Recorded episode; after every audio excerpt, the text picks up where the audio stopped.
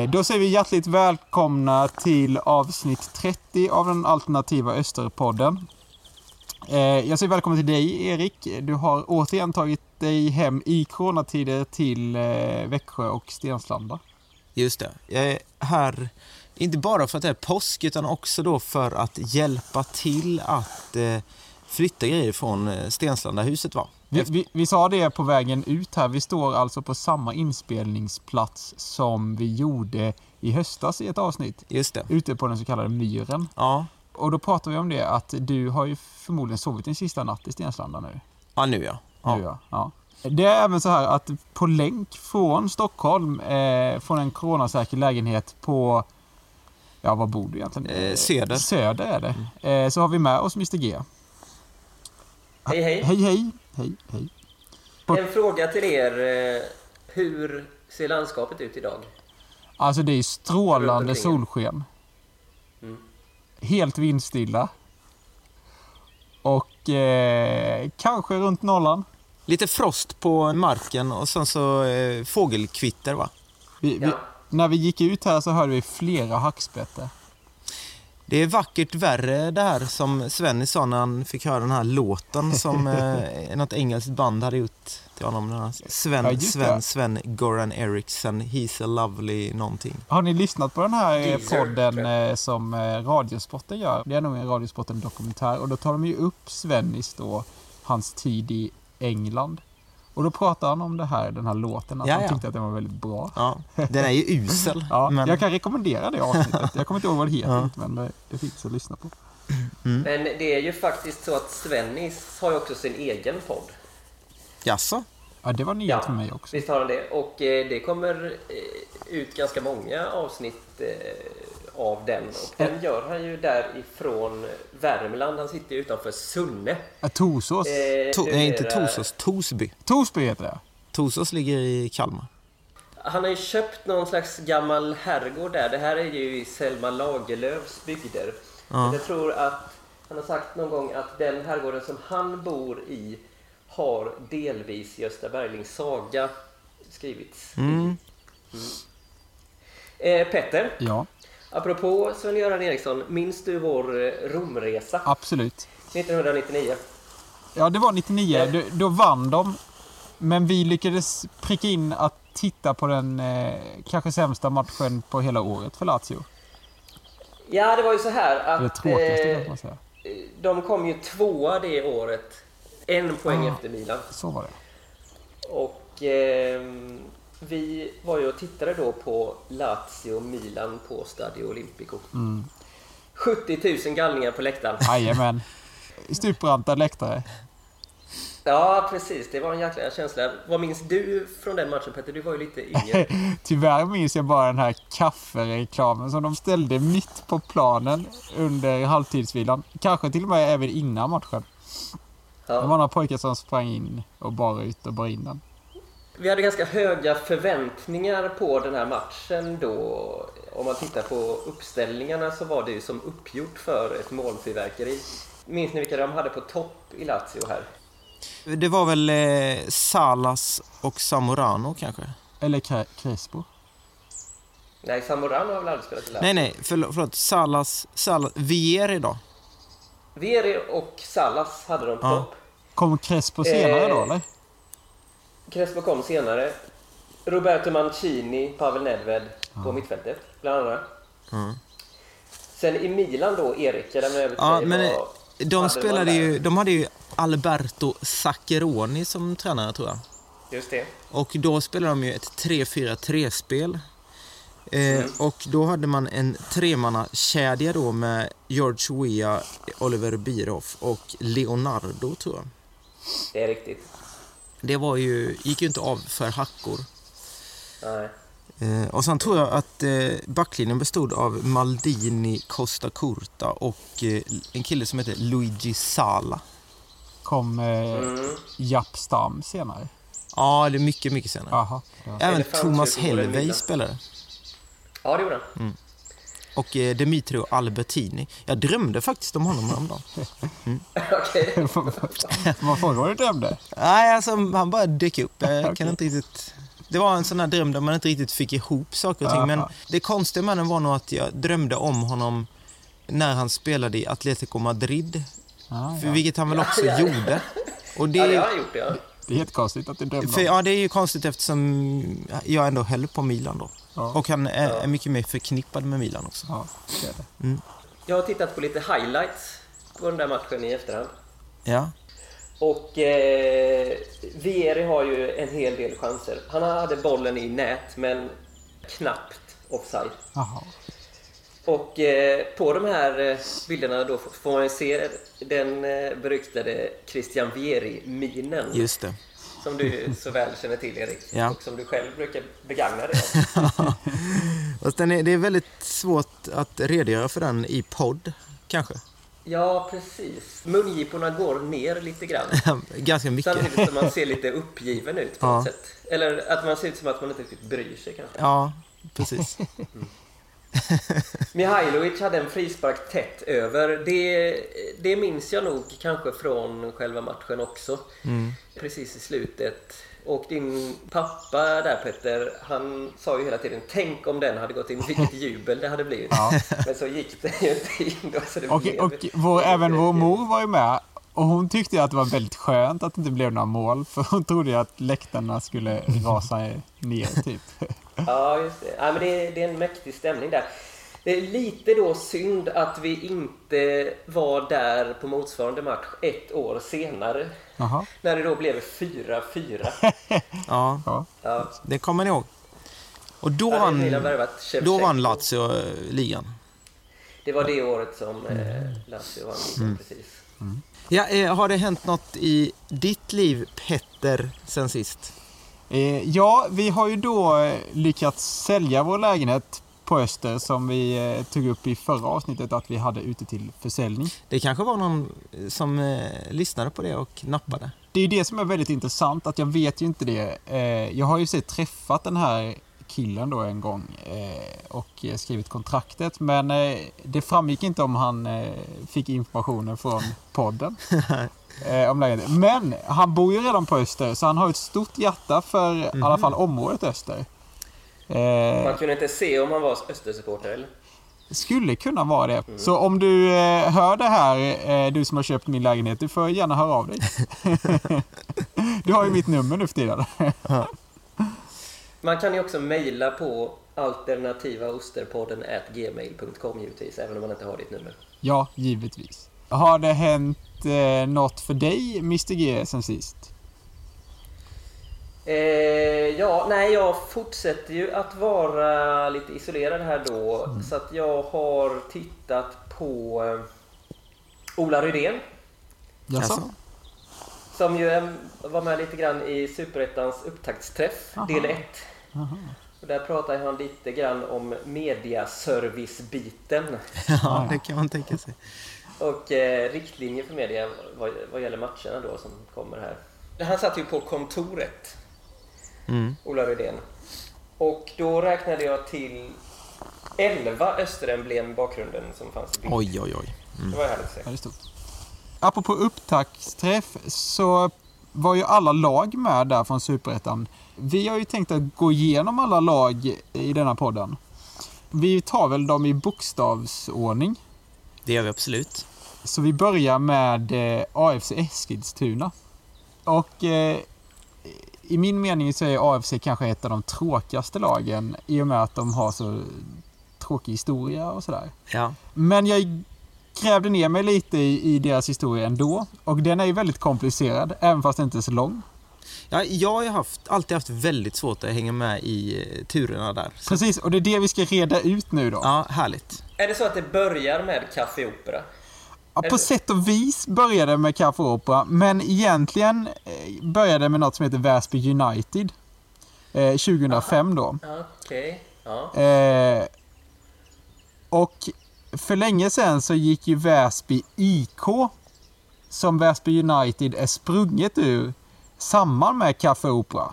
Mm. Så det, det har ju en Café Opera-bakgrund långt bak i tiden. Men det är ju liksom eh, bryllingar eller något sånt där, kan man ju kalla det. Ja. Ehm, och eh, 2007 då eh, så köpte den här eh, ryssen Alex Ryssholm. Det är väldigt kul att han heter Alex Ryssholm. Påhittigt. Ja. Ja. Han är en Men ryss. han är väl inte ryssen? Nej, precis. Jo då, han är en rysk affärsman. Eh, Jaha. det, det, det säger Wikipedia i alla fall. Men det är ungefär som eh, han är korrespondenten som heter Hasse Svensk. ja, just det. Eller han heter, nej, han heter ju Hasse Svens. Just så. Men det är nästan Hasse Svens. Ja, eh, 2007 bildar han i alla fall Atletic FC. Mm. Och han tycker väl att det går lite sakta att komma upp i seriesystemet. Så eh, 2012 så eh, bestämmer han sig för att han ska göra något åt saken. Och då kommer ju Väsby United in i bilden. De ligger i division 1 och han så kallat köper upp eh, Väsby United. Ja. Det gör han ju inte på pappret men eh, i praktiken gör han ju det. Och då byter man ju namn på klubben till Athletic Football Club United. 2017 Alltså man spelar ju i Stockholm eh, under denna fram till 2017. Man är ute i Solna, man spelar på Skytteholm. Man har väl någon slags samarbete fortfarande med AIK om jag förstår det rätt. Som Väsby alltid har haft.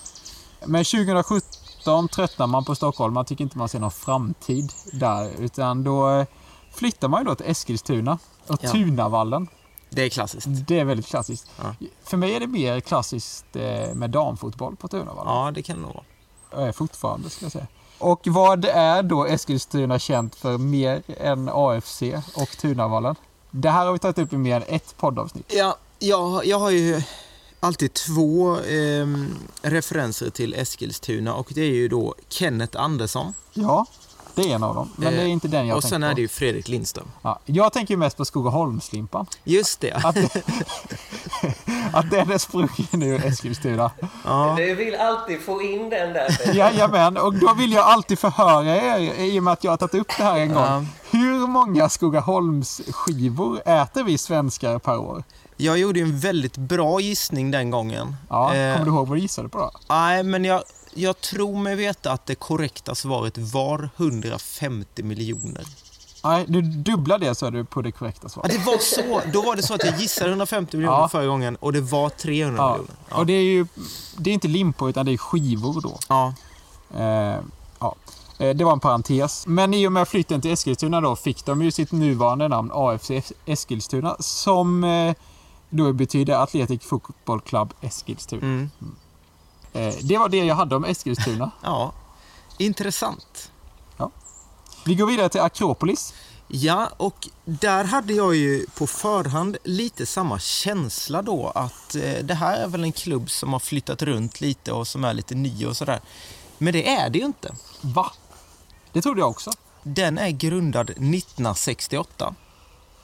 Ja, det är ju inte så ung klubb då. Men eh, det var först då 1969 man började spela fotboll. För från början var det basket då som gällde va? Ja, ja. Jag gick in på Akropolis hemsida eh, och läste lite. De hade en ganska bra historiesektion där då. Ja, Och då citerar jag hemsidan här. Som första så kallade invandrarlag att nå division 4 i dåvarande seriesystem fick klubben stor uppmärksamhet i riksmedia och närmare 2000 åskådare närvarade vid den sista och avgörande matchen innan avancemang till division 4 då. Alltså 2000 åskådare på kval till division Oj. 4. ja det bra. Sen följer ju då ett 80 och 90-tal för att det här var ju då eh, på liksom 70-talet de gick upp där. Och då pendlar man mellan division 3 och 4. 2006 upp i tvåan och 2010 upp i ettan. Och 2019 så tog de alltså 75 av maximala 90 poäng i division 1. Det är ju ganska imponerande ändå. Det är jätteimponerande. Ja, eh, och gick då upp i superettan som man då spelade i under förra säsongen 2020 där man lyckades ta en eh, ganska fin femteplats, alltså platsen direkt efter Öster. Mm. De spelar sina matcher på Grimsta IP i Stockholm. Det är klassisk match. Alltså BP's hemmaplan. Jajamän. Okej. Kända spelare. Maurizio Albornoz. Jaså, han spelar där. Eh, men jag fick ju lite av en chock här nu när jag, när jag säger de två andra spelarna jag tänkte ta upp här.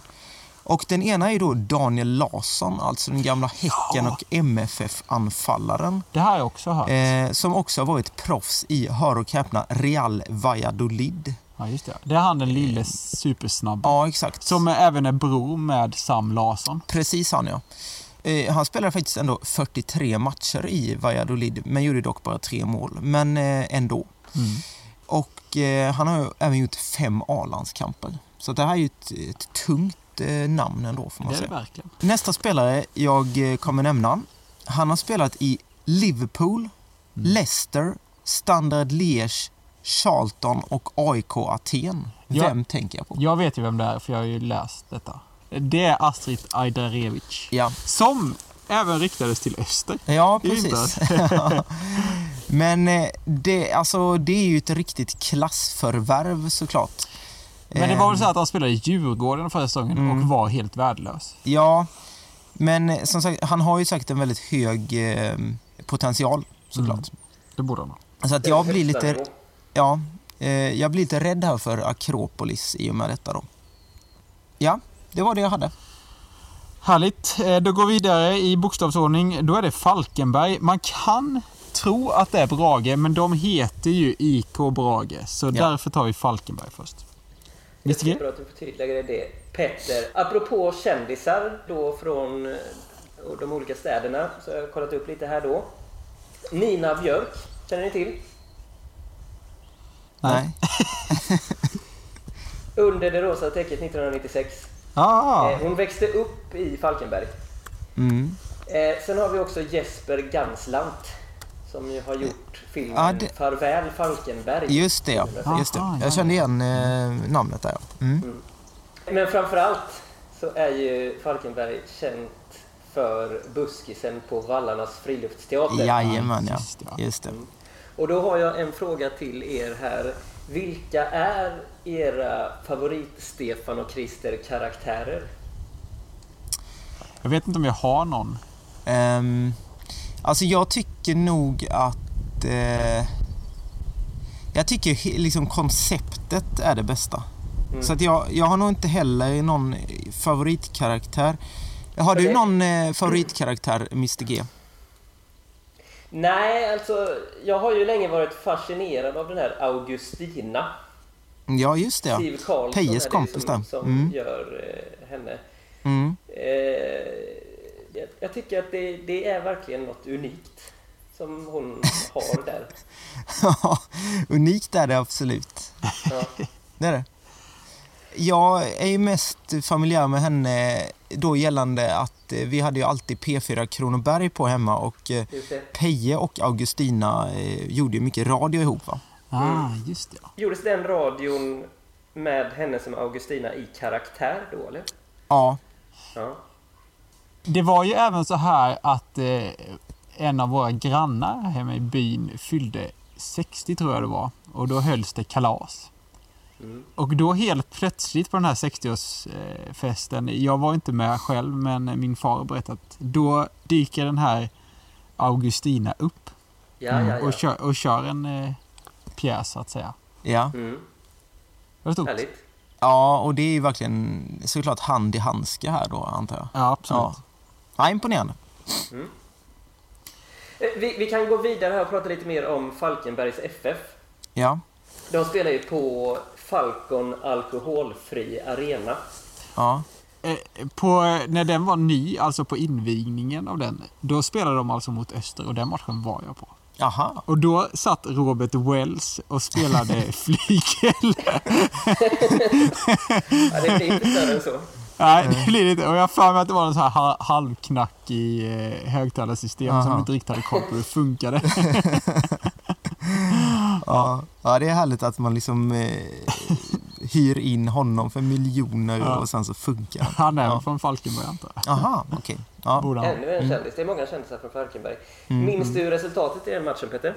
Ja, Öster vann med 2-1 eller 2-0. Jag för mig att det är den här matchen som... Det, är det inte det att det är en, en eh, Eastfront-supporter som blir hängandes Ja, ja, ja. eh, halvvägs ner på planen? Mm. Eller han ramlar halvvägs. Det är någon som Mm. håller i honom. Ja, men den bilden minns man ju. Ja. Mm. Mario Vasil gjorde mål där för mig. Ja. Ja, och Kan det vara Jonathan att- Levi. Ja, just det. Det var ju första året Öster var tillbaka i Superettan denna sessionen, va? Mm. Mm. Det är Askebrand det. Eh, men de kom ju sist i Allsvenskan 2020 Mm. med 24 poäng. Ändå så tippas de trea av media inför den här säsongen. Ja. Men det, det är väl lite standard egentligen, va? Är det inte det? Att eh, de som åker ur eh, allsvenskan, de, de är topptippade. Falkenberg har väl under en längre period varit ett sånt här lag som har legat precis i skiktet mellan Superettan och Allsvenskan. De har aldrig gjort de här som Öster har gjort, att de har liksom eh, rasat samman när de åker ur Allsvenskan. Utan de, de har klarat av det. Mm. Jag vet i 17 hur de gör det egentligen. Det sägs att det är väldigt stor spelaromsättning också så att det är så oerhört imponerande gjort av Hans Eklund är det ju oftast som är tränare det. i Den modern gamla bekantingen. Ja, det som är lite konstigt också, det är att jag inbillar mig att intresset för fotboll i Falkenberg inte är så högt och så. När man Eh, bygger en arena som tar max 5500 personer så Ja. måste man ju bygga det på någonting. Ja. Ja, då bygger man ju det på Falcon alkoholfri, eh, så att säga. De är ju otroligt stora, Falcon, Ja. i, Falkenberg. Så Man, det kan är- också, få- man kan få alkoholhaltig öl också inne i arenan. Ja. Är du säker? Ja, om man är inne i en loge, va? Är det väl endast man kan få alkoholhaltig. Ja, det ska jag låta vara osagt. Nej, men eh, eh, Hans Eklund, han tog väl upp dem där 2013 till Allsvenskan. Sen hade han en liten paus 2014 när han provade i Kalmar. Eh, och då var ju Henrik Larsson tränare i Falkenberg. Mm. Tills de åkte ner. Men sen kom ju Hans Eklund då tillbaks och förde upp dem igen, vad det led. Ja. Fast vi har, den här säsongen har vi ytterligare en person i deras klubb med en tydlig österkoppling. Vet ni vem det är? Ja, det var svår. Det har Ja, funnits lite spelare som har spelat i Öster, men eh, var inte Matteo Blomqvist Sampi där en eh, session? jo. Och Tibor Josa spelar väl där fortfarande, men det är inte han du tänker på antar jag? Det är inte han jag tänker på. Det är ett nyförvärv Oj. som heter Kalle Björklund. Ja, ja, ja. Jaha. Är Kalle Björklund den yngre alltså? Ja, precis. från Hammarby. Just det. Jaha, har han gått dit? Ja, ja. Mm. Ja. Intressant. Det är ju många som tror att det är en väldigt bra värvning. Det blev ju faktiskt 14 allsvenska matcher för honom förra året. Och då hann han även med en liten lånesession i BTK Frej. Ja. ja just det. ja, det är intressant. Och han beskrivs väl ha liknande egenskaper då som sin far Jocke. Mm. Men lite bättre med bollen. Ja, för det fick ju Jocke ofta höra. Jag, jag minns att Thomas Ravelli ofta brukar nämna det att eh, Jocke inte är så bra med fötterna och så. Men han är Ja. oerhört snabb. Ja, väldigt fysiskt eh, stark. Var det inte så här någon gång att eh, han avvaktade lite innan han liksom började jaga anfallaren för att, han, för att det inte skulle se för uppenbart ut att han var mycket snabbare än anfallaren? Ja, just det. Ja, det är smart. Mm. Nej, Ja. det är det inte. Det Eh, inte till. och sen har de ju då också värvat en kille som heter eh, Linus Dahl. Som då förra säsongen var lagkapten i Ljungskile SK i Superettan. Okej. Mm. Eh, Han gör tydligen en hel del mål och ska nog spela offensiv mittfältare i Falkenbergs 4-3-3. Mm. Ja. Sen har, eh, har de även en kille som heter Adam Bergmark Wiberg. Som är på lån från Djurgården och som förra säsongen var utlånad till ÖIS och gjorde åtta mål för dem. Han har redan gjort ett hattrick mot Utsikten i Svenska cupen. Oj, oj. Oj. Ja, det är ju... Superettan är ju väldigt mycket en lånande eh, division kan man säga. Mm, Och det där är ju alltid väldigt lurigt, mm. tycker jag. Det kanske bara är Öster som inte har. Mm. Jag är väldigt glad för att Öster inte håller på och lånar spelare hit och dit. Mm. Eh, Då släpper vi Falkenberg och går vidare i bokstavsordning och då har vi faktiskt Geis. Ja. Har ni koll på vad Geis står för? Eh, alltså Göteborgs allmänna idrottssällskap. Eh. Ja, jag tror faktiskt inte det är allmänna utan det är atletiska. Ja. idrottssällskap. ja, det kan det nog. I och med att jag är väldigt historieintresserad så har jag även här gått på djupet på historien.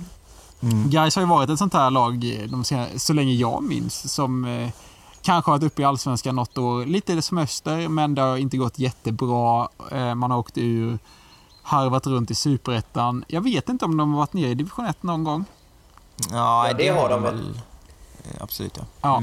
Mm. Eh, så de har ju absolut inte haft sin storhetstid eh, under min livstid. Så jag var lite nyfiken på när var de bra egentligen? För det är Mm. många som pratar om Gais att de Ja, har varit så bra. Oj, hörde ni hackspetten här? ja den är... Ja, Det var nära nu. Ja. Eh, och då är det ju så här att eh, deras största storhetstid hade de ju på 40-talet. Men eh, de, de vann ju Allsvenskan redan 1924. Åh herregud. Ja, och det sägs att det är den första Allsvenskan som spelades. Eh, så det är ju stort. Men eh, för att återgå till deras största storhetstid som var på 40-talet då, under kriget. Så eh, hade de ju några fina spelare. Och en av dem hette då Sixten Rosenqvist. Mhm. Och på den tiden hade man ju såna här roliga smeknamn. Ja. Eh, ni vet, Öster hade ju Sotan lite senare i och för sig, men eh, typ i den stuket. Sixten hade ett, ett annat smeknamn och det var ju att han kallades Sixten Kärpapp Rosenqvist. ja. Och då blir ni såklart väldigt nyfikna. Varför kallas han kärpapp? Man kan tro att han säljer kärpapp eller att han är snickare och Ja. eh, lägger, ja, lägger Ja. ut väldigt mycket kärpapp. Eh, då kärpapp är ju sånt man lägger på tak. Mm. Men så är det ju såklart inte. Utan han kallas kärpapp för att han eh, liksom var som klistrad mot sina motspelare. Anfallaren, han var ju back då. Så han låg liksom som klistrad i ryggen på dem. ja. Eh, och det är ju ett eh, litet klisterlaget på kärpappen. Mm. Därav smeknamnet. Den eh, referensen hade varit svår idag tror jag. Ja, det är inte så många som har koll på Nej. kärpapp. Och, inte, och just det här klisterlagret tror jag att folk... eh, Att det har gått förbi många liksom. Ja, eh, så är det. Jag tror ju att Gais kommer bli ett sånt här klassiskt mittenlag i år. Man, eh, man har väl inte gjort några stora nyförvärv utan man lever lite under... Jobba på. Ja, precis. Man harvar runt. Mm. Därmed lämnar vi Göteborg och Gais och går vidare till GIF Sundsvall då. Ja, och då är det ju så här va, med Giffarna. Att de har haft ganska blandade resultat under försäsongen. Vunnit mot Dalkurd och Östersund. Lika mot Göteborg och Sirius, men förluster då mot Norrköping, Gävle och faktiskt mot Sandviken i Svenska Cupen. Förra året kom man på sjätte plats. Och det som man tänker på lite med Giffarna det är ju också att de har haft ganska mycket ekonomiska problem ja. de senaste åren. Och vi får väl se hur det blir med den saken den här säsongen. Det man ska ha klart för sig är ju dock att de har en stark trupp. Och det jag tänker på då är ju inte minst forwardsduon såklart. Var, var det inte så här att eh, de hade jätteekonomiska problem och sen helt plötsligt eh, under tidig höst eller i, efter säsongen var avslutad här så värvade de in Linus Hallenius. Ja, det där är ju konstigt men eh, han kom väl antagligen på någon slags free transfer. Ja, det får vi hoppas. Eh, men han ska ju ändå lyfta lön. Men det kan ju vara så som det är i Öster att det är någon annan som går in och betalar den och sånt där. Det vet man ju inte. Ja, ja.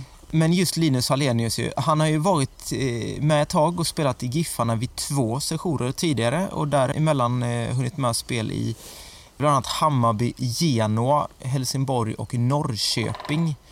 Men det han framförallt gjort avtryck är väl i Giffarna och Hammarby. det stämmer. Förra säsongen så spelade han ju i Norrköping och gjorde åtta matcher och noll mål då i Allsvenskan. Mm. Eh, har en liten kuriosa här om Linus. Under en bortamatch mot Syrianska 2010 så gjorde Linus Hallenius ett uppseendeväckande mål som faktiskt blev årets mål på Fotbollsgalan 2010 och det blev också nominerat som en av kandidaterna till Fifa Puskas Award. Alltså årets mål i hela Europa 2010. Ja, just det, det här kommer jag ihåg. Mm, vad snyggt. Dock var det så att Hallenius inte vann utan han kom två efter Oj, två. Hamit Altin Topp. Men Hallenius kom ju före till exempel Messi, Neymar och Robben i alla fall. Det får han ju vara nöjd med då tänker jag. Går det att beskriva det här målet? Ja, det var ju så här då att eh, han eh, tog ner en boll på bröstet på vänsterkanten, slog ett tillslag över huvudet på sig själv och sen så vände han om och eh, sköt på volley. Eh, En riktig bananbåge Ja, precis. Mot bortre stolpen då. Mm. Så att det var väldigt snyggt. Men egentligen det största forwardsnamnet är ju egentligen Pontus Engblom. Han vann ju Superettans skytteliga förra året när han gjorde 20 mål på 30 matcher. Mm. Och detta trots då att Giffarna kanske inte gick riktigt så bra som man hade förväntat sig eh, under delar av säsongen åtminstone. Ja. Så att, eh, ja, väldigt starka framåt. Eh, Sen har de också fått in då Robert Lundström som är en väldigt rutinerad försvarare som spelat i Giffarna tidigare men också i AIK där han vann SM-guld 2018. Så att det är ju ett lag att se upp med helt enkelt, klart Giffarna här då. Absolut. Tippas på andra plats av eh, media. Ja, efter HF där ja. Mm. Och apropå HIF Helsingborg så är det precis dit vi ska nu, Mr G. Ja, precis. Olof Mellberg känner ni till? Ja, jag har lite koll på honom. ja, Han eh, slog ju igenom i landslaget som högerback i Ja. eh, EM 2000 va? det var det. Han eh, intervjuades där när det inte gick så bra i EM 2000 och då frågade jag dig Erik, vad sa han då? Det är väldigt små marginaler mellan succé och fiasko. Precis. Och eh, jag vet inte om man kan säga att det var små marginaler men det blev ju lite av ett fiasko då för Olof förra säsongen i Allsvenskan och han valde ju då att eh, kliva av i december. Och då Ja. började ju då spekuleras i vem som skulle ta över. Men ganska snabbt så blev det ändå Jörgen Ja, Just Lennartsson det. som vi Just då först och främst känner som assisterande tränare i Vederslöv Lenninglanda idrottsförening eh, säsongen 1989. såklart. jajamän. Jajamän. I tränarstaben finns också lite andra kändisar. Mattias Lindström assisterande. Ja. Ja. Kommer ni ihåg att han hade en eh, någon slags vlogg på Youtube med eh, vad heter han, Kristoffer Andersson? ja, det är min Vad var det de kallade sig? Någonting med fluffet och ja. Ja, just det. något sånt. Det var väldigt roligt i alla fall. Ja, jag var tidigt ute med det där. Ja. Mm. Eh, och sen så finns faktiskt också Alvaro Santos i Jaha. tränarstaben. Han är hjälptränare och P19-tränare Oj, ser jag här i papperna. Spännande. ja. Mm. Då kanske han har lite kontakter där med Brasilien och kan ta dit lite spelare och sånt också. Ja, man vet ju aldrig. Jag såg en intervju med Jörgen inför genrepet här mot Öster. Och då så pratade han om hur han skulle hantera alla landslagsspelare som finns i laget och eh, hur, hur de så att säga skulle matchas när de kom tillbaks och sådär. Det var så himla många landslagsspelare eh, i laget. Eh, Vilka är det mer än Granen då? då? Ja, det är ju han eh, van den Hürk, va? Han spelar ett jättekonstigt landslag. Ja, han spelar ju Curaçaos landslag. Ja. Han är väl, han är väl egentligen eh, från Nederländerna då. Ja, ja. Mm. Och sen så har de ju en eh, kille som heter Vlad som är estnisk landslagsman. Mhm. Eh, och han var ju på landslagsuppdrag, men jag tror aldrig det... Han satt i karantän hela det uppehållet, tror jag. Mm. Det finns en färöisk landslagsman som heter Brandur någonting. Okej. Det, Men ja. honom tror jag att de vilade mot Öster för att han hade spelat tre gånger 90 i Mm. eh, det här VM-kvals. Mm. Har Ja, de en kongolesisk mittback och lite andra. ja. De har ju fortfarande Alhaji Gero i truppen. Aha. Oj. Ja, Men han verkar inte användas så mycket. nej. Han spelade gillar 17 inte matcher i. Allsvenskan. eh, Men producerade bara två assist på dem. Ja. Vet inte om det kan finnas en öppning att ta in honom till sommaren om det skulle behövas. ja, fast vi har så jäkla mycket anfallare ju. Det skulle ju vara om, det, om Keen mot förmodan inte skulle förlänga kontraktet över hela säsongen utan det blir bara fram till sommaren. Då kanske det finns en liten öppning där för Mm. Alhaji Ja. Gero. Mm. Då lämnar vi eh, Helsingborg. Vi tar E4 med eh, vår lilla bil och eh, färdas uppåt förbi, ja vad ligger på vägen? Markaryd. Vem är mest känd från Markaryd? Ja, det är ju Markaryds Maradona. Ja, precis. Daniel Svensson, som numera bor i Tävelsås tror va? Ja, precis. Mm. Eh, vi kör även förbi Ljungby. Vad har vi för Ja. minnen i Ljungby? Eh, där minns vi ju Stefan Hjelm till exempel. Ja. Och sen kommer vi ju till Hamburgerhill. Och eh, Ja. då vet ni var vi är va? Eh, Värnamo. Vi är i Värnamo. Och eh, från början så var ju Hamburgerhill endast eh, bestående av tre stycken hamburgerställen plus någon eh, bensinmack och så. Men nu har det utökats. Jag åkte faktiskt förbi Värnamo här i eh, vintras. Det var ju då Donken, Burger King och Max då. Max kom väl lite senare. Kanske Sibylla fanns där med då. Och nu har den utökats då med Djureskogs Aha. hamburgare. Ja. Vi viker i alla fall av i Värnamo och eh, kör in mot centrum och tar oss upp till Finnvedsvallen. Just det. Som ligger ganska fint. Vi Ja. har varit där gemensamt någon gång tror Ja. jag. Och Värnamo har ju då eh, fallit ur och eh, sen eh, har de ju även tagit sig upp igen då i Superettan. Och nu under ledning av den store bygdens man Jonas Tern. Just det. Som fortfarande inte får vara första tränare på pappret eftersom han inte har gått utbildning. Han vägrar att... Ja, eh, det, det, det måste ha blivit en principsak. Ja, verkligen. Att, eh, Jag läste någonstans att den här killen som då officiellt är tränare, som heter Robin Asterhed, att han har inte heller riktigt hunnit gå utbildningen, men det var på gång i alla fall. han har i alla fall anmält sig. Det, det är väl det som krävs tror jag att, för att man ska vara.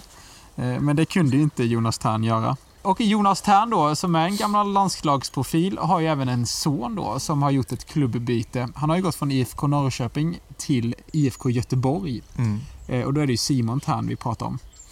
IFK Göteborg som eh, återigen har blivit ett klassiskt Real Göteborg. Inte minst med värvning av Marek Hamsik. Just det. Och det var ju så roligt att Värnamo och eh, Göteborg möttes ju här i en träningsmatch då. Mm. Och det kommenterades väl lite speedigt mellan far och son där hur tjocka de är för det brukar de ju alltid skoja om. Ja. eh, det blev oavgjort, jag tror det blev 2-2. Eh, jag vet inte om det är att Nej, Värnamo 3-3 kanske... blev det. 3-3 blev det kanske. Jag vet inte om det kan vara att Värnamo har något på G eller om det är att IFK Göteborg är sådär värdelösa som man kan tänka sig Ja. att de eh, kommer bli. Värnamo har väl alltid någonting på G? Ja, inte alltid. Men eh, kanske nu de har tagit steget upp. De har en tränare som... Han har väl alltid varit bra på att utveckla eh, talanger. Så jag tror ju att eh, Värnamo kommer bli ett lag som vi ska se upp med under årets Superettan.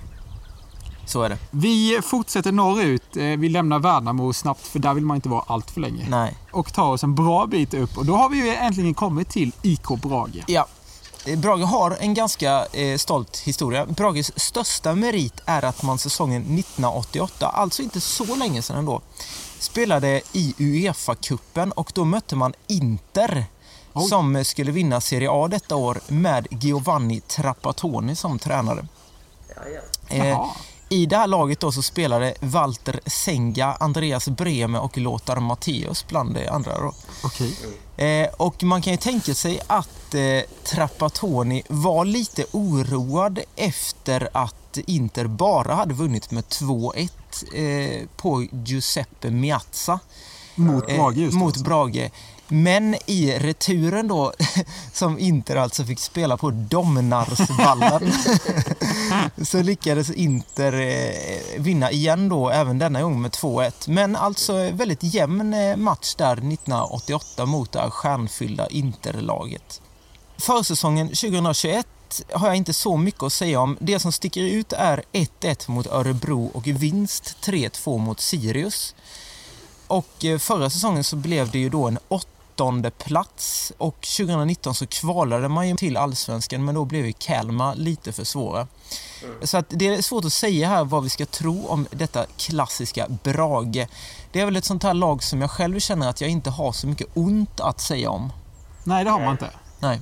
Och eh, den här historien här om Inter gör att jag tycker eh, nog lite mer om dem faktiskt. Ja, ehm, vi färdas eh, söderöver igen och kommer till eh, Mr Gs gamla hemstad som är Jönköping då. Och eh, lyckligtvis så följer ju J Södra Lotten på dig Mr G. Ja, precis. Apropå där eh, kval mot Kalmar så är det ju också någonting som Jönköping känner till.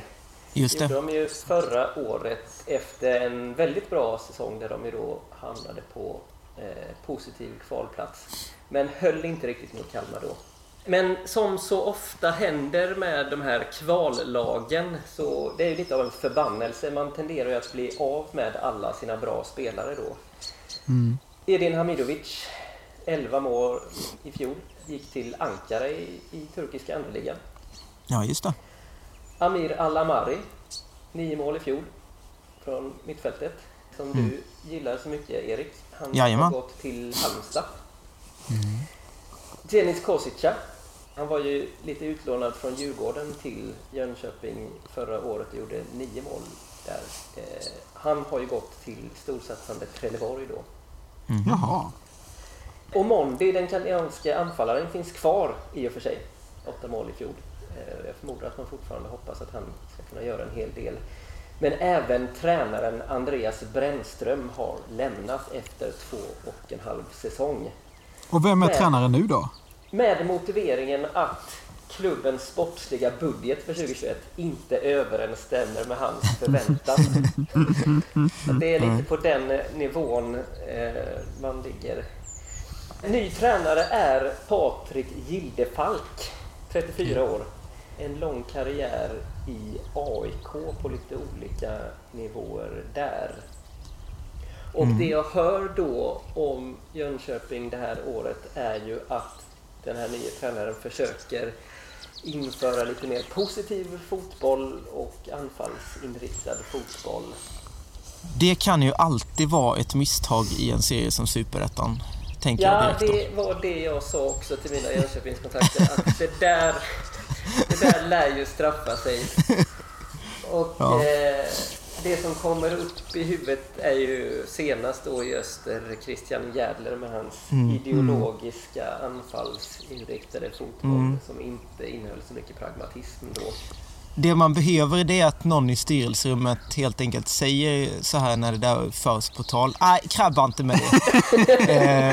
eh, så att man, man behöver, alla klubbar i Superettan behöver en sån Ja. person tror jag. Som, Ja, ja det, jag, jag, tror, jag tror också det. Men samtidigt så om man går tillbaks till Öster så lyckades det väl i och för sig för Kuznetsov. Han Ja, det har du rätt i. trevlig i fotboll så att ja. det är ingen regel som inte har ett undantag. Nej, det, det är riktigt. Det verkar som att de är i ombyggnad och eh, mycket handlar om att få rätsida på ekonomin, vilket de nu verkar ha fått. Hetaste nyförvärvet torde vara Marko Nikolic från Vasalund. En tia med brett register, debuterade i AIK redan som 16-åring, så det är ju på grund av tränaren då som han kommer in förmodligen. Och det lär väl vara bra för honom att vistas i den miljön förmodligen. Ja. Är det inte så att de håller på att by- även bygga om Stadsparksvallen? Ja, precis. De ska lägga in hybridgräs Oj. och eh, gör om lite grann i läktarna. Men eh, ändå en, en uppiffning kan man säga istället för en helt ny arena som det talades om ett tag. i Ja. Jönköping. Som var så himla mycket debatt om i lokalpolitiken. Ja, det minns jag när jag bodde där, att det var otroligt mycket debatt. Jag har för mig att det var klart att det skulle bli en ny arena då. Men det blev det aldrig då. För det, det är ju alltid det där att den ligger ju så himla fint där. Det måste man ju ändå säga. Även om man inte Ja. gillar J Södra så mycket så, så har de ju ändå en väldigt, väldigt fin arena som ligger på en väldigt fin plats. Så att eh, eh, den ska de nog vara rädda om tror jag. Det tror jag också.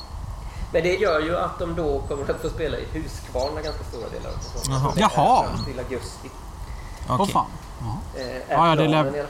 Det lär väl inte vara någon publik i alla fall ändå. Så Nej, just det. kanske de inte förlorar så mycket på. Ja, det är Nej. riktigt. Vi tar vår lilla bil och eh, kör E4 söderut igen. Vi passerar Värnamo igen och eh, även Lagan och Ljungby. Där har vi ju pratat om och vi har pratat om Markaryds Maradona. Eh, vi tar oss förbi Helsingborg igen och lite söderut igen så hittar vi Landskrona. Just det. En stad som ligger lite mellan de större städerna Malmö och Helsingborg där. Ja. Jag har faktiskt varit några gånger i Landskrona och det är faktiskt en väldigt trevlig stad. Mm. Det ligger fint vid havet. Man kan ta färjan ut till eh, Ven där man Mm. kan ta sig en liten cykeltur. Jag eh, har, ju, har ju varit där dels eh, eftersom jag har jobbat, sommarjobbat en sommar utanför Landskrona. Men även för att jag varit där och kollat på fotboll. Och då var det ju så att 2012 så eh, var du och jag, Erik, där tillsammans. Eh, vi hade väl även eh, några andra med oss. Jag minns inte riktigt. Jag tror att vi åkte egen bil. va? Vi åkte inte Isfrontbussen Nej, ner. det är riktigt. Det var alltså du och jag och eh, vår vän Gustav och jag tror även den här Andreas var med. Den så kallade humlan. Humlan Ja. var med, Mm. ja. Eh, vi tog bilen. Var det din Saab vi körde kanske? Eh, lite oklart. Eh, ner till, eh, till Landskrona då och skulle, det var, det var mitt i sommaren, det var ju typ i juni någon gång och skulle kolla då på Landskrona mot Öster.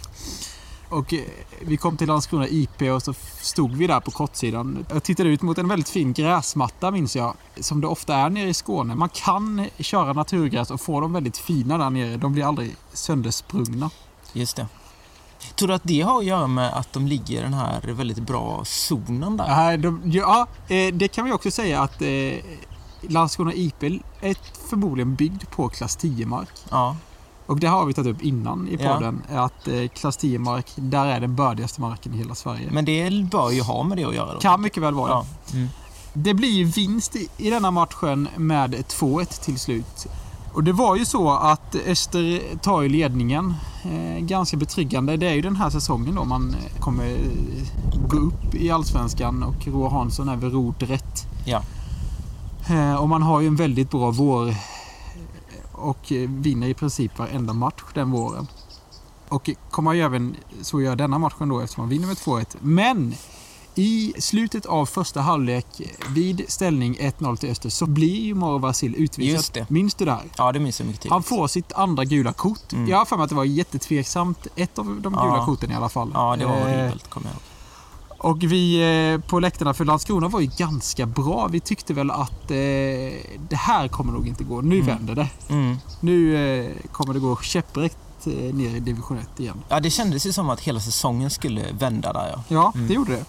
Men det gjorde det inte. Man kom ut i andra halvlek. Jag har för mig att eh, man har bytt in då den här 2-0 målskytten som är då Elmin Nurkic. Jag har för mig att han började på bänken och sen byter man in honom då som någon slags ersättare för Mario Vasil. Man stuvar om lite. Och på något slags inlägg eller om det är en hörna så eh, får han bollen på sig och trycker in den. Jag har för mig att det var ett väldigt så här brukarmål. Och eh, kortsidan exploderar för det var en hel del Östersupportrar där. Och man lyckas ju då till slut hålla undan även fast Landskrona gör ett mål i slutminuterna. Så blir det ju ett 2-1 till Öster. Ja, Och det kanske är denna segern som gjorde att eh, man lyckades hålla hela vägen. För hösten var ju inte riktigt lika bra som våren var.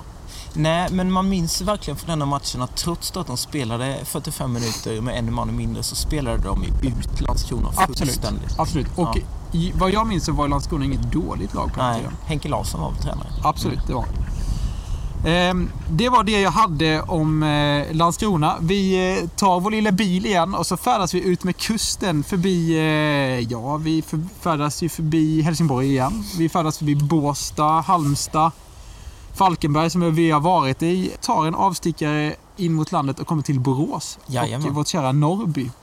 Inte så kärt kanske. Nej, kanske inte så. Eh, men eh, i Norrby finns det ju många Österkopplingar.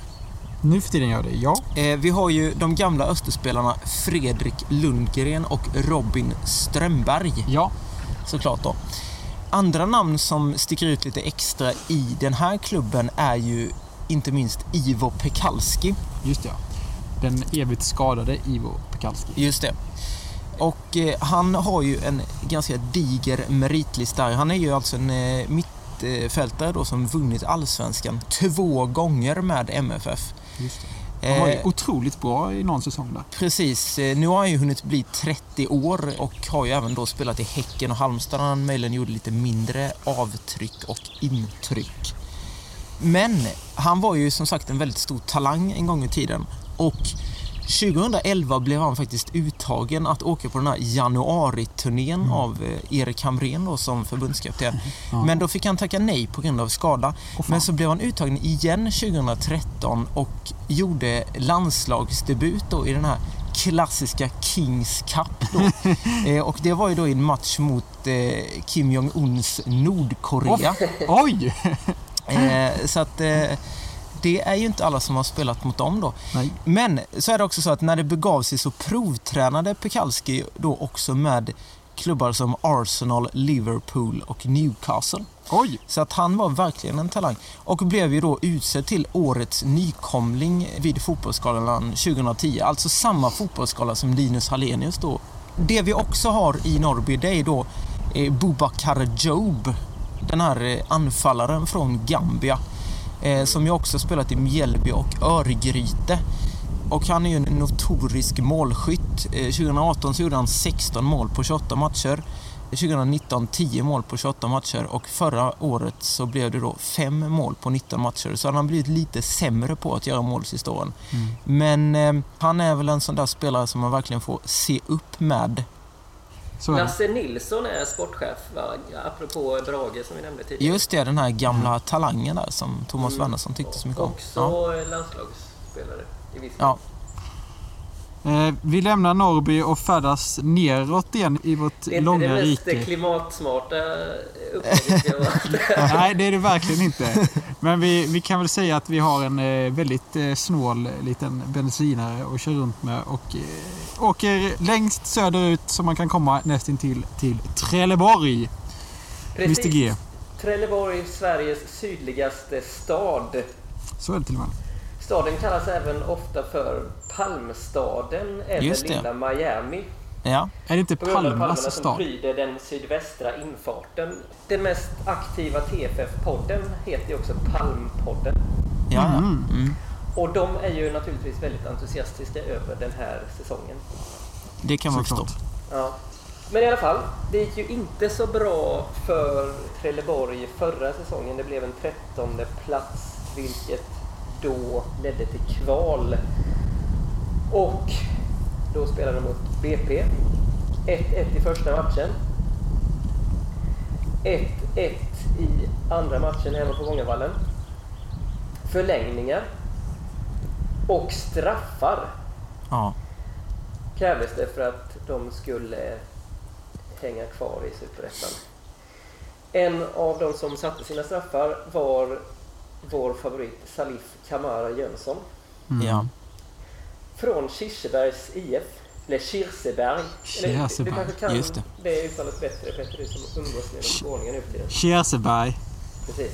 Apropå Kirseberg. Ja. så eh, är ju det en klassisk förening på många sätt. ja. Som nu tyvärr har bytt namn till Malmö City FC. Aj, aj, aj. Efter att Ja. de då har slagit ihop med Rörsjöstadens IF. Och det är ju väldigt många som är negativa till det här namnbytet och där ibland vår vän Salif då. Jaha. Men eh, kan vi någonting om eh, Kirsebergs IF? Alltså jag tror ju att Robert Prytz kommer därifrån. Det är korrekt.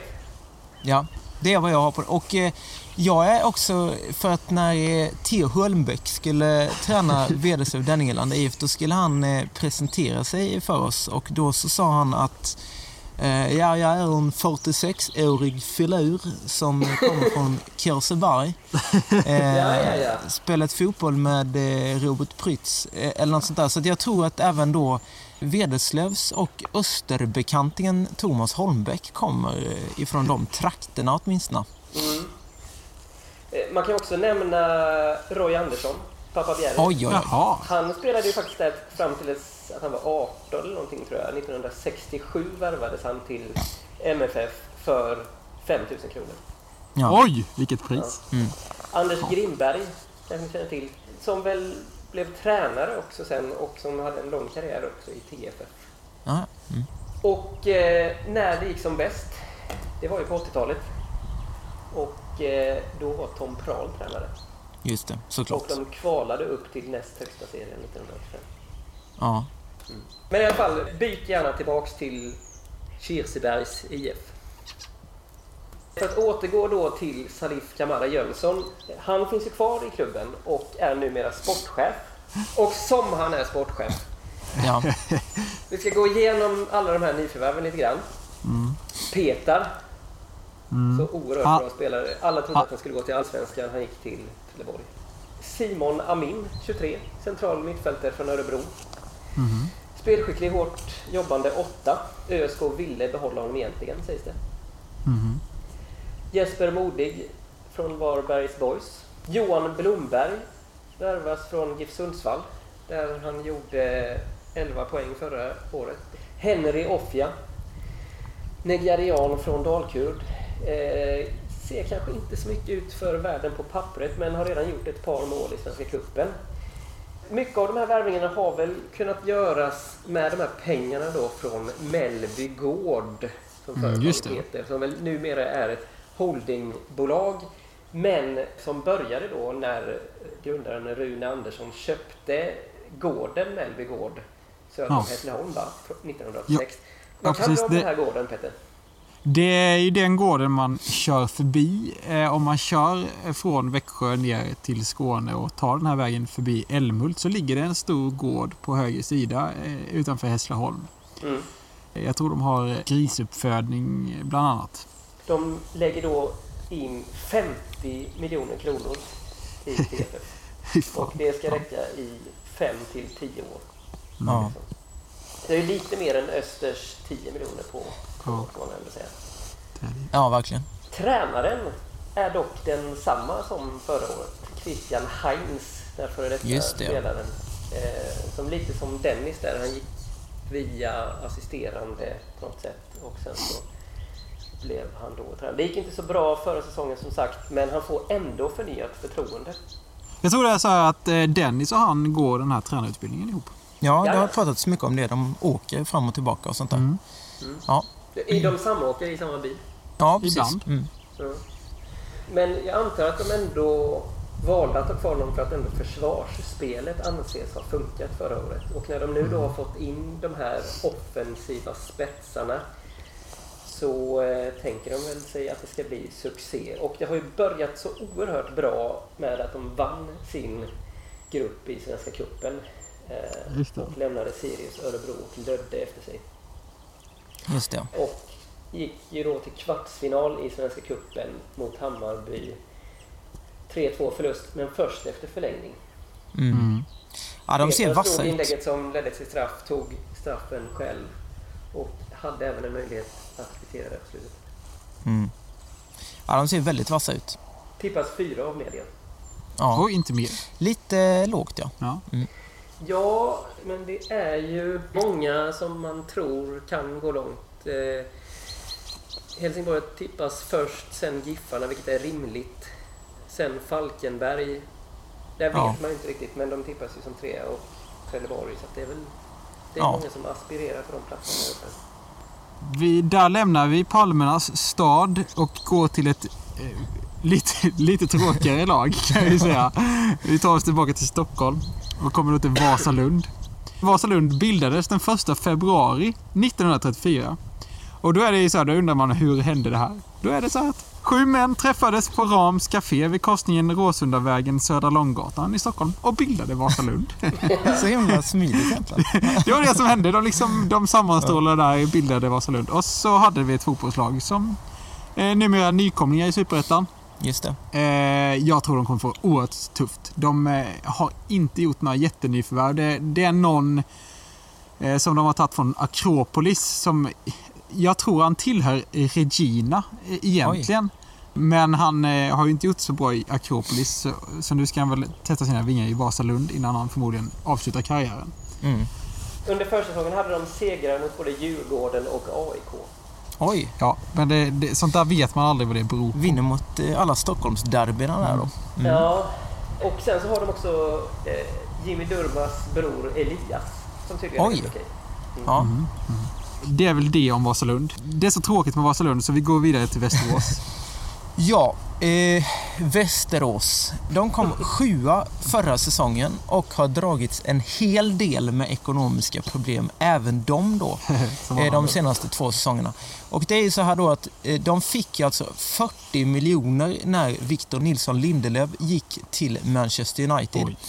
Och utav dem så återstår då bara 12 miljoner eh, efter att de då har fått eh, stoppa pengar i hål här senaste säsongerna. Och man får väl gissa att de där 12 miljonerna försvinner detta året då. Mm. Men de har gjort en bra försäsong tycker jag. Vinst mot Akropolis med 4-1 och vinst mot MFF med 2-1. 0-0 mot HBK och vinst med 3-4 mot Degerfors. Eh, så att sammantaget har man gjort en väldigt bra försäsong skulle jag vilja påstå. Ledare Thomas Askebrandt Den gamla bekantingen. Men också Kalle Karlsson från Sportbladet. Just det. Så att, eh, och sen då har jag gjort en lista här då som jag eh, valt att kalla för spelare som jag känner igen. och det är då så mycket som David Engström. Det är en väldigt eh, rutinerad superettan-spelare som tidigare har spelat i Värnamo, Häcken och Örgryte. Men mest känd är han ju egentligen för att han har spelat i Moheda Ja. under några år. Ja, och ja. eh, jag har mött honom i B-lagsmatch mot Moheda. Eh, jag vet inte om du också har mött honom Peter? kanske. kanske? Han var alltså inte bättre än att han spelade i Bill. Jo, alltså han var skitbra kommer jag ihåg. Men eh, de hade lite konstigt där i Moheda för de hade ju en startelva i A-laget som var jättebra i division 3. Och sen hade de ju ett B-lag som låg i i en mycket lägre serie. De var inte alls bra det Bill. Nej, de var inte så bra. Men så var ju de här bra spelarna med ibland där då och spelade, eh, varav han var med denna gången. Eh, sen har vi Jonas Hellgren, Ja, just det. den gamla Österspelaren, som spelade i Öster 2012 till 2014. Han gjorde faktiskt 30 matcher, men jag gissar att i princip samtliga de var inhopp. Han var med i den här Landskrona-matchen. Ja, ja, ja. Men det han är mest känd för det är ju egentligen att han är Claes Hellgrens son ju.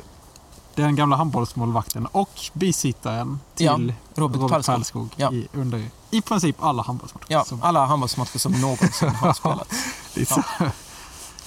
Eh, Det var ja. det om Västerås. Och slutligen, eller inte slutligen, eh, det finns ju två lag kvar, båda på Ö. Men vi börjar med det lite tråkigare laget, Örgryte. Mr G. Precis. Sällskapet som de refererar sig själva till. Eh, Gais heter ju också Sällskapet men det verkar vara mer inarbetat hos ÖIS att kalla sig Sällskapet. Ja. Eh, vi har pratat om när föreningar bildades och jag tror att de bildades redan 1887 och med det är Oj, oj, oj. Äldsta fotbollsklubb. Ja. Slutade på plats 12 förra säsongen, en plats före Trelleborg. Har väl inte haft en jättespännande värvningsperiod. Förutom att den här grejen eh, med Wilfred Bonny dök upp. Som ni kanske känner till. Okej. Eh, nej, det har jag faktiskt nej. inte hört om. Nej, det är ju lite roligt här då med Marek Hamsik med flera att eh, svenska klubbar har erbjudit spelare hit och dit. Och eh, ÖIS var en av de klubbarna som då erbjöds Wilfred Bonny. Mm. Och sportchefen där då har berättat att han fick ett meddelande över WhatsApp då. Ja. Men eh, ja, det var väl aldrig riktigt aktuellt egentligen. Istället blev det mest intressanta nyförvärvet kanske Anel Raskai som Just det, ja. Jaha. spelat i Kosovos landslag och var väl vad jag har kunnat läsa mig till också kapten i Kosovos första landskamp som spelades mot Haiti. Mm. Spelat lite i Halmstad och AFC också. just det. Och sen så har de ju Österbekantingen Anton Andreasson sen tidigare. Ja, ja, ja, just det. De gjorde ju det som jag hela tiden tyckte att Öster skulle göra, det vill säga skola om honom till vänsterback. Jaha. Och det var ju väldigt lyckat för att han vann ju deras interna assistliga förra säsongen. Åh, jävlar. Ja. Mm. Nu har ju Oliver Silverholt utvecklats positivt här efter Gäller men eh, hade kanske velat se honom på vänsterbacken. Anton var ju en spelare som jag tyckte rätt så mycket om egentligen, så det var lite tråkigt där när han lämnade. Ja. Mm. Och sen så har de ju Ailton Almeida då, Just det. för Mm. Ja, stor stjärna. 1984. Som Mm. har haft en spännande utlandskarriär. Tränare, de hade någon engelsman tror jag förra säsongen, men det gick inte så bra så att han fick gå. Jeffrey Aubin Oj! ryktades det om att Ja, han ja. skulle bli tränare. Men så blev det inte så ändå, utan det blev en Mm. tränarduo från Lindome, Dane Ivarsson och Johan Mattsson. Obs! Inte den Johan Lycke Mattsson tänker vi direkt på som eh, just gjorde mål mot Café Opera 2002 när de gick Ja, just det. Mm.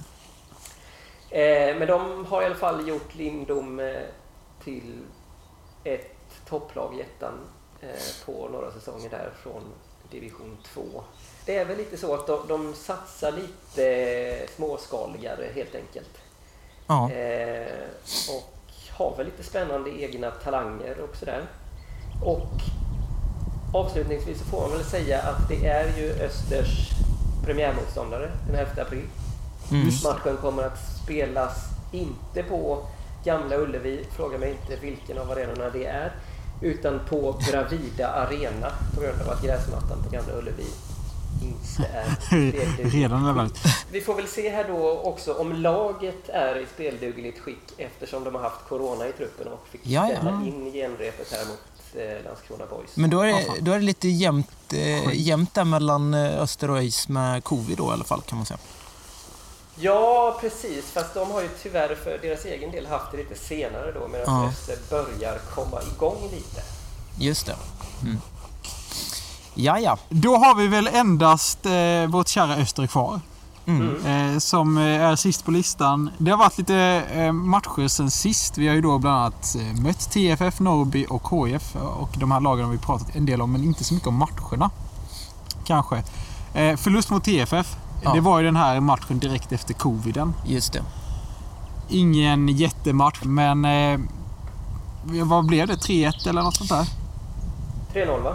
3-0 Ja. till och med. Den får man ju ändå förstå. Man spelar med någon slags eh, ihopsnickrad eh, spelsystem som skulle passa de spelarna som fanns tillgängliga. Mm. Eh, och Trelleborg är ju erkänt bra i och med att det har gått så bra i Svenska cupen och så. så kanske är förståeligt att man förlorar med 3-0 där. Och det var ju ett eh, resultat som speglade händelserna på planen väl, skulle jag vilja påstå. så, så, var det. Eh, så var det. Eh, sen blev det match mot Norrby. Eh, borta på Borås Arena. Mm. Det blev vinst. Mm. Eh, kanske inte den mest imponerande vinsten. Nej. Men ändå en vinst. Och det är alltid bra för självförtroendet. Mårtensson gjorde väl ett av målen där. Han har gjort mål här mot igår också mot HIF. Oerhört viktigt att få igång honom. Så. Ja, jag tror också det. Och han kommer väl kanske vara den mest givna anfallaren av dem. Ja. Eh, och sen har det ju varit då en eh, U21-match mot Kalmar som Öster i alla fall spelade med ganska många A-lagsspelare. Kanske inte någon startelva som kommer starta i premiären, men ändå ganska många A-lagsspelare. Nej, jag vill väl hävda att jag räknade till att det kanske snarare är så att ingen av de spelarna kommer starta. Nej, möjligtvis inte. Nej. Sen var det den matchen som var igår då för oss och ehm, det var ju mot Helsingborg. Det blev förlust till slut. Eh, 2-1 va? Där hade ju vi en man på plats, så att säga. I TV-soffan. I tv-soffan Ja. ja. Ja, jag tänkte det. Vi hade ingen man. För det Nej. får inte släppas in någonting. Men eh, Eh, och det var ju då så att varken jag eller Erik hade möjlighet att titta på den här matchen. Men Mr G köpte ett abonnemang på, var det Sportexpressen? Och eh, tittade på matchen. Ja, precis. Och det var ju väldigt intressant att se Öster då i första halvlek. Och där tänker jag att de spelar väldigt mycket som de tänker sig spela i premiären. Ja. Det var eh, fint väder.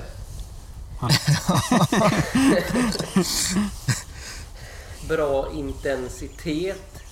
Man ser hela Östers spelidé med att ha ganska offensiva ytterbackar som spelar in från kanterna, vilket skedde kanske framförallt från Silverholts kant, men i viss mån även från Varmanens kant. Klapp-klapp-spel med ytterbackar och innermittfältare. Och bra i duellerna. Keen hade många duster med Granen. Mm. Ibland, Blev- blev, eh, vissa perioder ja. dominerade Öster lite grann. Men sen så tog ju ändå HF ledningen med 1-0 med eh, den här estländaren då som frisparksskytt och den nu inte så unge Jönsson som nickade in den. Östers 1-1 mål var ju ytterligare en frispark i mål från Mortensen. Sen blev det ju från och med halvtid eh, ganska sönderbytt så att då går det väl inte att säga så mycket. Men det ser ändå ganska positivt ut skulle jag säga. Skönt att höra ändå. Eh, jag hajade till där lite när du sa att Keen och Granen möttes. Jag vill ju mena att Keen är en väldigt retlig spelare och då undrar jag om det vid något tillfälle var så att Granen blev irriterad. Eh, självklart blev det så. Ja. Mm. Han sa någon gång att det här är ju ändå en träningsmatch, tror jag att han sa. Granen sa det eller? Ja. Ja. Ja.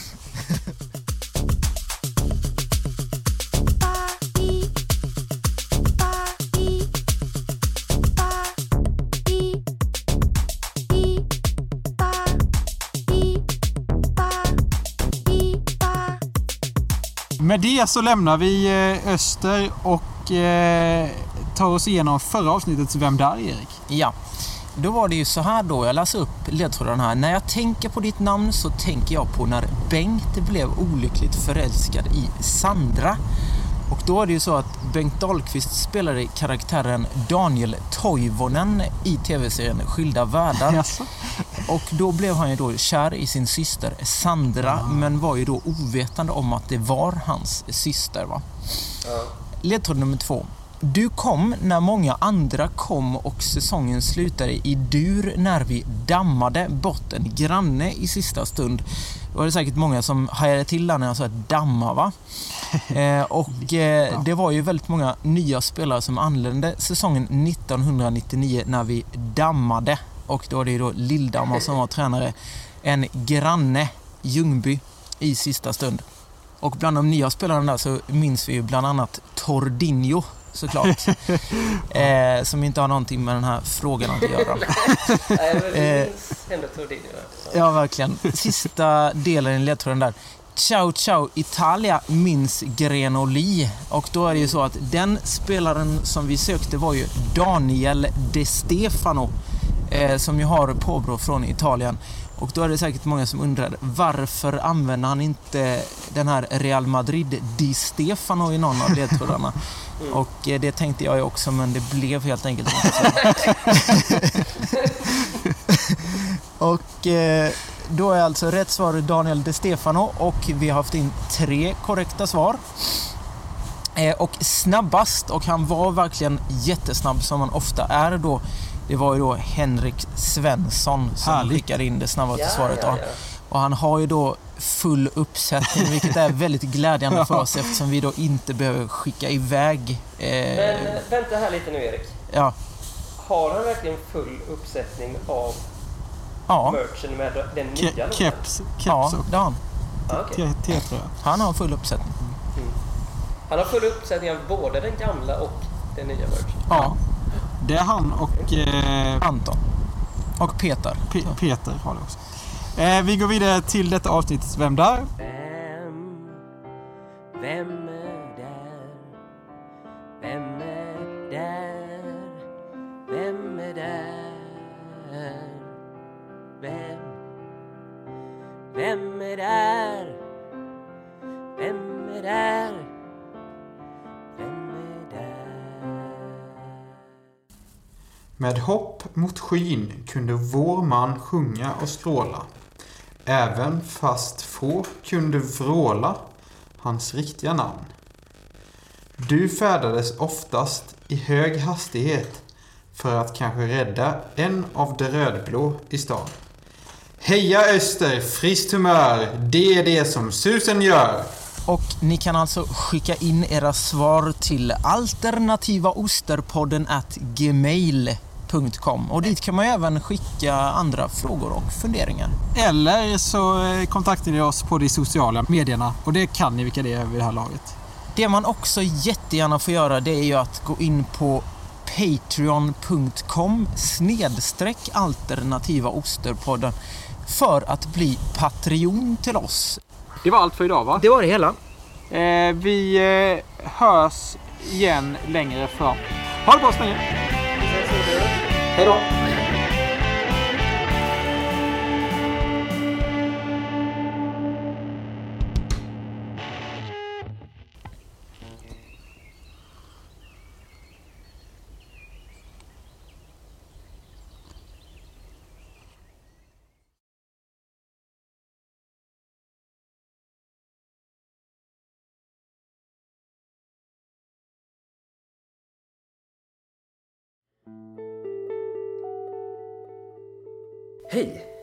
Du vet väl att du som Patreon på Tony Westring-nivån också får tillgång till extra poddmaterial? I den här omgångens Patreon-avsnitt pratar vi bland annat om Coach Meet Coach, prediktioner inför kommande säsongen och anfallsspel. Dessutom frågesport med skönsång. Missa inte det!